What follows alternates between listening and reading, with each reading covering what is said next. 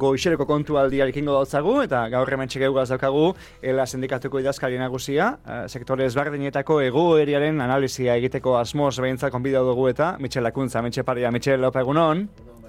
Bueno, zer aztertu, badaukago egia esan, eh? eta bueno, aktualidadeak behar gintzen dau, eta besteak beste, eh, azteko itanduko dutzut, eh, jaurlaritzak etxe bizitza legeari aurkeztuko dutzun elegitea, ze balorazio egiten duzu, eh? Bueno, ez da, gai berria, eh, bere garaian ere onartu zenean e, argudio berdinak erabili zituzten, e, aurretik esango nuke gu kritiko agertu garela lege horrekin, baina ez hain zuzen ere Eusko Jaurlaritzak aipatzen dituen kontu hoiengatik, baiz guretzako motz geratzen delako eta aukera bat galdu delako sakontzeko gure ustez e, lendabiziko e, lerroan dagoen e, arazo baten e, bueltan, ez? Gure ustez hemen arazoa da Eusko Jaurlaritzarena eta bo, hain zuzen ere e, Euskal, osea, EAJaren e, e, arazoa da ez duela egin nahi gure ustez egin behar dena eta hemen gure ustez ez dago arazo kompetentzial bat, ez dago arazo bat eskuduntzen e, aldetik. E, lege honek ematen duena da aukera bat egiteko orain arte egiten ez ziren gauza batzuk, ez, besteak beste, ba, bueno, zona tensionatua hola izendatu diren e, aukera hoien artean, esateko, haizu, hemen e, neurri, beste neurri batzuk jarri berdia eta tope batzuk jarri berdia, ez? Baina, leheno esaten da bezala, e, guretzako moz geratzen da, baina la ere hemen, esango nuke, EAJ-aren arazoa dela, lege honek uzten dituen pauso hoiek eh, eman nahi ez dituela. Hori da arazoa, ez? Eta gure ustez, bain eta berez gure e, gure ustez lehendabiziko lerroan jartzen dugun e, arazo bat da, unik esango nuke eta inkestetan ere oso nabarmena izaten da, galdetzen zaionean e, jendeari zeintzu diren beraien e, lehendabiziko arazo hoiek etxe bizitza etengabea agertzen dela. Eta hemen ez da kontu bat, ez eske begira, hemen daude bi edo hiru herri edo hiri batzuk non alkilatzea edo etxe bizitze bat eukitzea zailagoa jarri den. Ezke oso, oso zabalduta dago Euskal Herrian ze arazotan, e, ze, hori, ze, ze arazoa dugun aurrean, ez? Eta goratu behar da hemen, laro amar mila etxe bizitza utxik daudela. Laro amar mila. Eta inork ez du e, zer egiten utxik dauden etxe horiekin, ez? Da gure ustez politikak alako gauzetan e, hartu behar du lidergoa eta etxe bizitza da eo zeinek e, behar duen e, bueno, oinarrizko e, gauza bat bere bizitzan, ez? Eta esango nuke hori, eta honekin jabukatzeko, hori azkenean EAJaren zate arazoa dela ez duela konfrontatu nahi, gaur egungo e, bueno, ba, e, propietario hoiekin eta bankuak eta immobiliariekin. Mm -hmm. Kontua, eta gero transferentziak eskuratu ze badoa eusko jagraritza, eta orain, orain zuen alde gaudiranak behintzat, orain dela egun gitxi gainera, e, aldirietako trenena eta atzerreko tituluen homologa zinuarena. Honek be, aldaketea bai egarreko dau, langileen e, egoeran be, eta batez behatzerretik etorretako langileen egoeran beste beste, ez? Bueno, ikusi beharko da, ez, ez da usartzen esatzera zen olako sakontasuna izango duen e, lege horrek. Hemen e, eskuduntze hitz egiten e, dugunean e, gogoratu behar da ere bai estatutua onartu zenetik berrogei urte baino gehiago pasa direla eta halako ez da goteo goteo batean gaudela eta aspaldian e, jaso behar izan genituen e, eskuduntzako oraindikan hor hor daudela, ez? Eta, bueno, esatu zaizu, bos hori e, transferitzen den einen albiste ona izaten da, eta gero beste kontua da, zesa kontasunarekin edo zaukerak, e, benetako aukerak ematen diren e, transferentzia hori gauzatzeko. Hortxe beraz, eh, transferentzien kontua be, eta, bueno, Europara begiratu behar dugu nemestez, eta lehen sektoria begiratuko zagu, protestan da bilz aspalitik, Europa sola zabaltu dan protestia da gainera, eta gaur, e, nekazaritza ministroek bileri egingo da be Bruselan izango da, han batuko dire gainera nekazariak be e, presinua egiteko eta bar, eta, bueno, ba, konponbideren baten moten alegin duko dira arazoari, ez dakit, konponbideren bat itxaroten dozuzuk, batzar horretatik? ez dakit, nina izen hemen egokiena horretaz e, zeiteko, ez dakit badira hemen ere e, nekazarien sindikatuan Euskal Herriak ni baino beki erantzungo luketena, ez?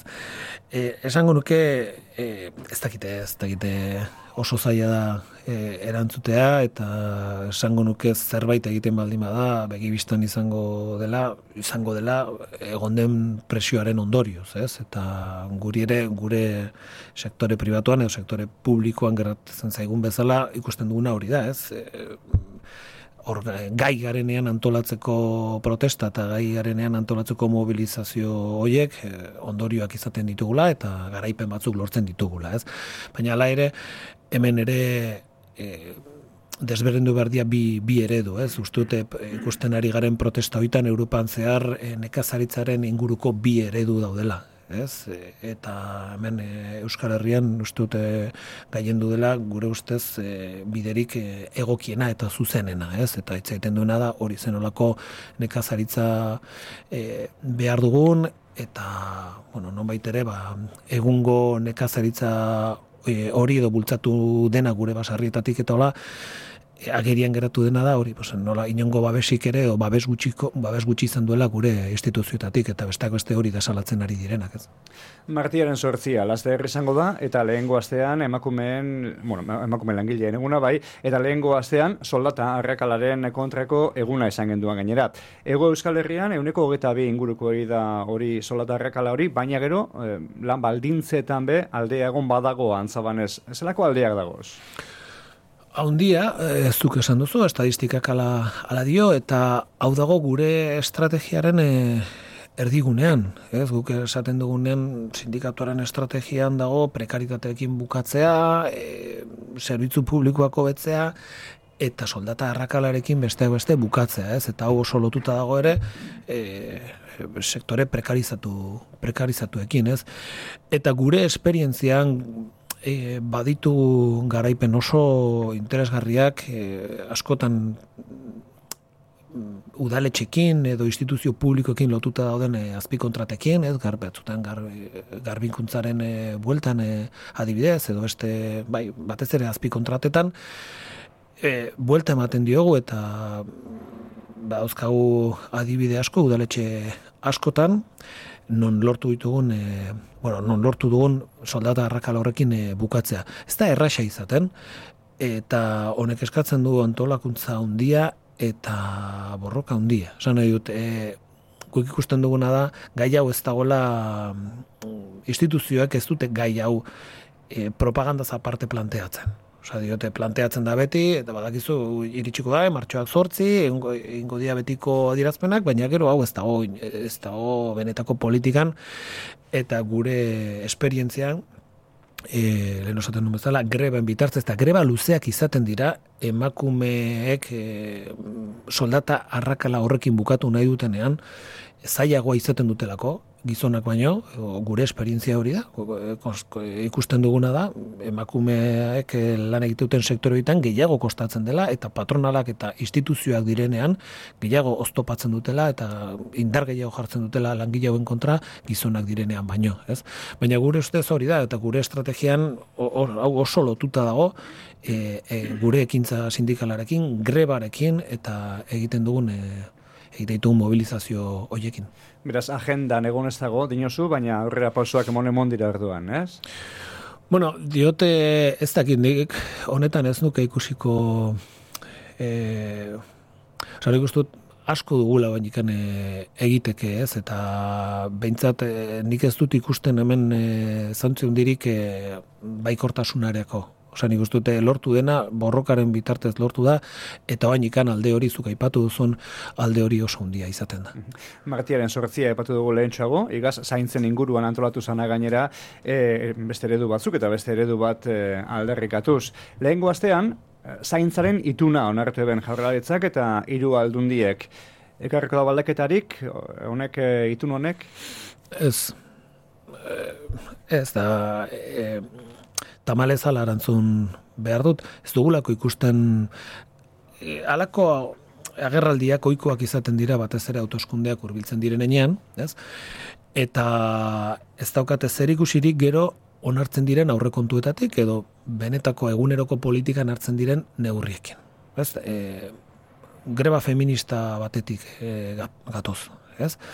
Zaroan egin genuen greba, greba hau, hor aldarrikapen zehatze batzuk daude, besteak beste, adibidez, e, residentzia publikazi, e, publikatzearekin, e, pu, e, publikazioarekin, eta eta bueno, ratioen inguruan eta ematen den e, zerbitzu horren kalitatearekin lotuta dauden aldarri batzuekin, ez? Ez da zer aurreratu, orain e, Nafarroko e, aurrekontuak e, onartuko dira, horretan ez dago ez da aldarri bat ere jasota. Eta aldundiek ere gauza bera. Esan nahi dut, e, eta hemen bateragarria da, e, esaten duten bezala, mantentzea zerbitzu azpi kontratatu bat, zaintzen inguruan, o residentzien inguruan, zerbitzu, o zerbitzu oso kaskarra ematen duena, langileen e, kasontan, e, oso sektore feminizatua eta eta lortzen diren lan baldintza horiek dira beti ere grebaren e, ondorioz e, lortutakoak, eta ez dago inongo, guk ez dugu ikusten inongo asmorik egungo eredu hori eraldatzeko.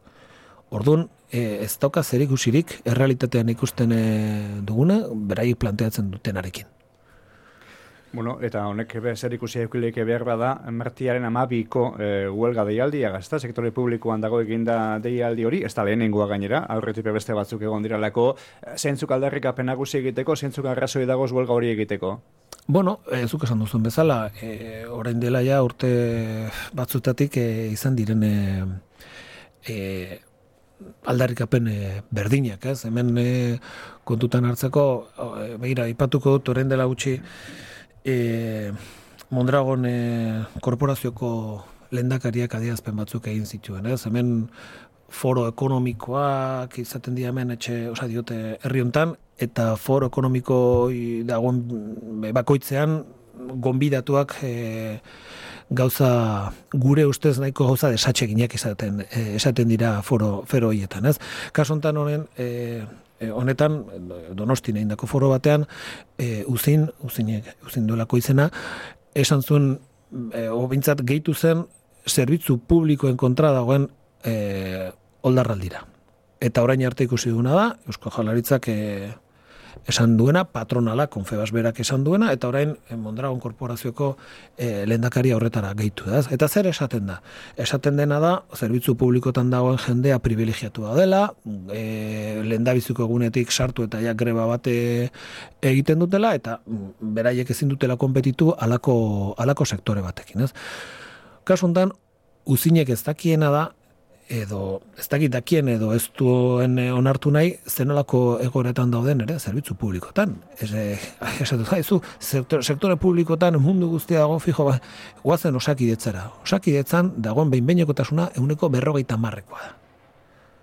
Esaten du lang, e, e, sektore publikoan dauden langile horiek ez dutela jasaten e, sektore pribatuan dagoen e, estres bera. Ez?